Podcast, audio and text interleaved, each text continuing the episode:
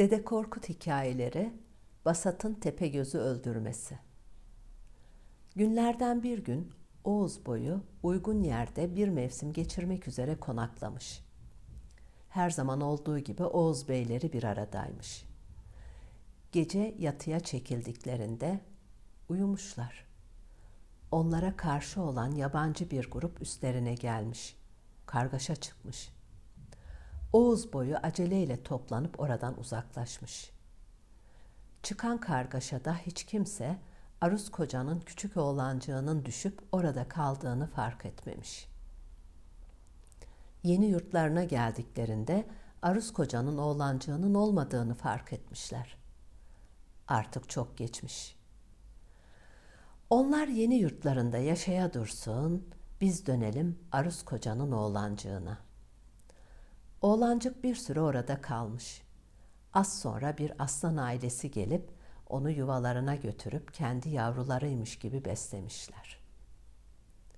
Bir süre sonra Oğuz boyu terk ettikleri yere geri dönmüş, çadırlarını kurup orada yaşamaya başlamışlar. Günlerden bir gün Aruz kocanın at çobanı nefes nefese beyinin yanına gelmiş. Beyim, beyim İleride ormanda aslanların arasında bir aslan yavrusu var. Dört ayak üzerinde yalpalayarak yürür, naralar atar. Demiş. Arus koca, kim bilir, belki bu oğlancık benim kaybettiğim oğlancığımdır. Deyip heyecanlanmış. Oğuz beyleri atlarına binip aslan yuvasına gidip oğlancığı alıp getirmişler.'' Arız koca mutluymuş.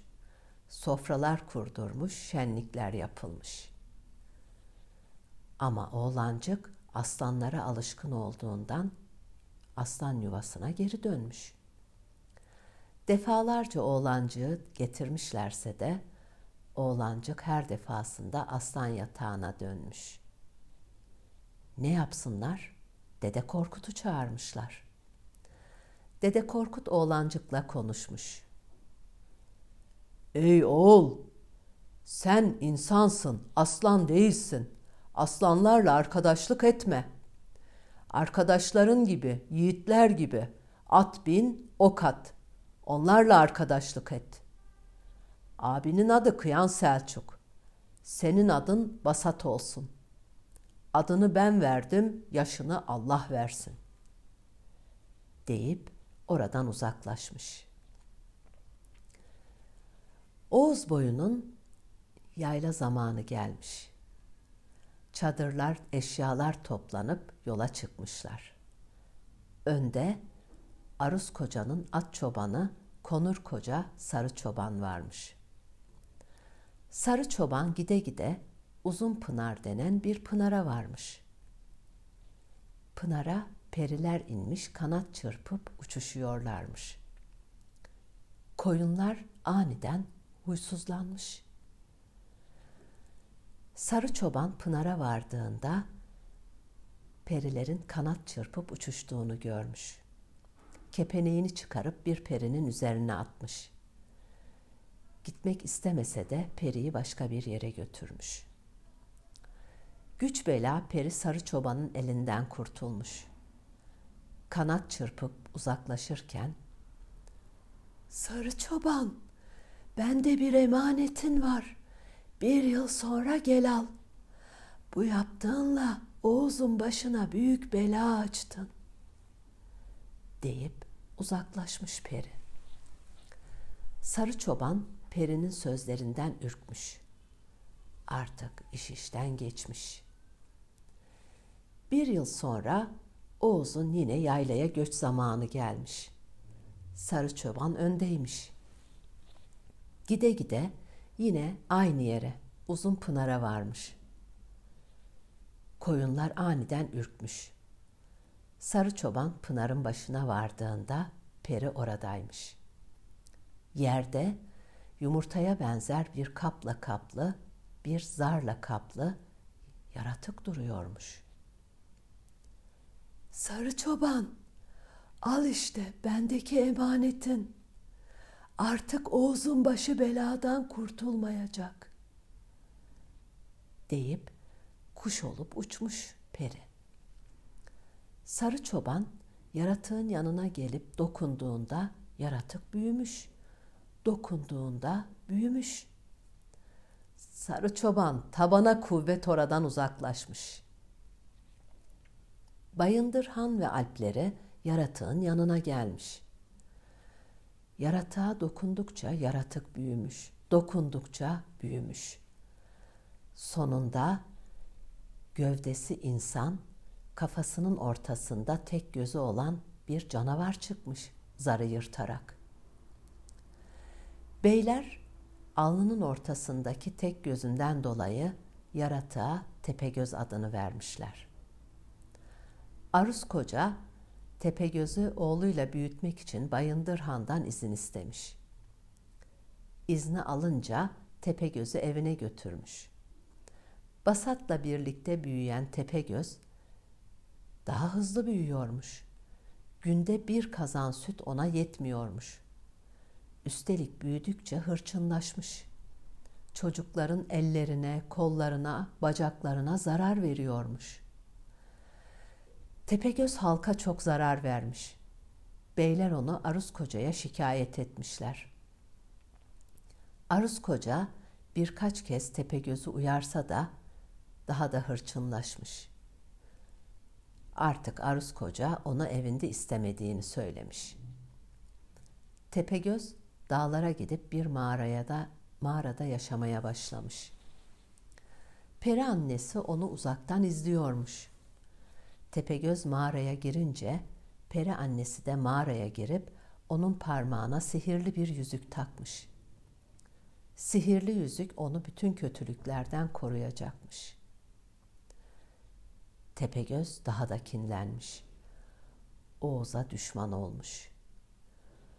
Oğuz iline saldırıyor, zarar veriyor. Yiğitler, alpler Tepegöz'le başa çıkamamışlar. Birçok alp canından olmuş. Dedem Korkut onları dinlemiş. Tepegöz'le konuşmak için mağaraya gidip seslenmiş artık Oğuz iline zarar vermemesini istemiş Tepegöz'den. Bir anlaşmaya oturmuşlar. Tepegöz günde 60 adam istemiş. Dede Korkut sonunda günde 500 koyun yemeğini pişirmesi için de iki adam vermeye razı etmiş. Anlaşmayı Oğuz beylerine anlatmış Dede Korkut. Anlaşma bir süre devam etmiş. Ama halk canından bezmiş. Halkın hayvanları kıymetliymiş. Çocuklarının kendilerinin geleceğiymiş onlar. Günde 500 koyun, iki adam. Ne yapacaklarını şaşırmışlar. Bütün bunlar olurken Basat uzak illerde savaştaymış. Basat Oğuz iline döndüğünde ağlayan, feryat eden bir kadın karşılamış onu. Her şeyi anlatmış. Basat, Oğuz beyleriyle konuşup en kısa zamanda Basat'ı en kısa zamanda Tepegöz'ü öldürmeye gideceğini söylemiş. Arus Koca karşı çıktıysa da Basat dağlara Tepegöz'ün yaşadığı mağaraya gitmiş.'' Tepegöz güneşe sırtını vermiş uyuyormuş mağaranın dışında. Basat sadağından bir ok çekip yayını germiş, Tepegöz'ün sırtına atmış. Defalarca ok atmasına rağmen oklar Tepegöz'e zarar vermemiş. Tepegöz okları sinek zannetmiş. Basat ok atmaya devam ettiğinde Tepegöz Basat'ı fark etmiş tek hamlede onu yakalayıp çizmesinin içine koymuş. Sonra da mağaraya gidip uyumuş. Basat hançeriyle Tepegöz'ün çizmesini kesip çıkmış. Oradaki hizmetçilere onu nasıl alt edebileceğini sormuş. Onlar da Basat'ın en zayıf yerinin gözü olduğunu söylemişler. Basat bir koyun postuna sarınıp sürünün arasına karışmış, tepe göze yaklaşmış, isabet alıp gözünü yaralamış. Acı içerisindeymiş Tepegöz. Basat'ın mağaranın içinde olduğunu anlamış. Bedeniyle mağaranın kapısını kapatmış. Bir plan yapmış. Basat'ı sihirli yüzükle kandıracakmış.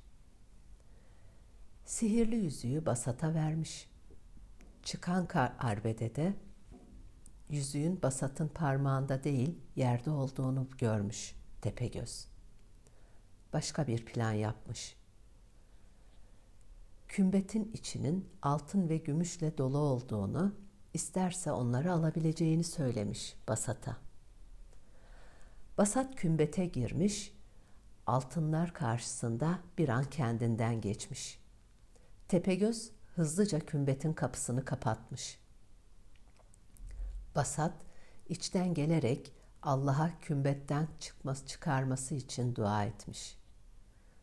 Duası kabul olmuş. Yedi yerden kümbetin duvarları yarılmış. Yedi kapıdan birini kullanıp kümbetten çıkmış Basat. Bunun da olmadığını görünce Tepegöz yeni bir plan yapmış. Artık savaşmayacağını, mağaranın içinde bulunan iki kılıçtan biri kınlı, biri kınsız, kınsız kılıcı almasını istemiş. Basat kılıçların olduğu yere gidince kınsız kılıcın kendi başına aşağı yukarı hareket ettiğini görmüş. Bunda bir hile var deyip tedbirini almış. Uzun uğraşlardan sonra kınsız kılıcı almış. Tepegöz Basat'ı yenemeyeceğini anlayınca "Biz kardeşiz. Beni affet." demiş Basat'a. Basat, Oğuz iline çok zarar verdin. Birçok yiğit canından oldu. Seni affetmeyeceğim deyip Tepegöz'ü etkisiz hale getirmiş. Orada bulunan iki hizmetçiyi müjde versinler diye önden Oğuz iline göndermiş. Müjde gitmiş Oğuz iline. Arus koca çok sevinçliymiş. Hemen Dede Korkut'u çağırmış. Dedem Korkut gelmiş.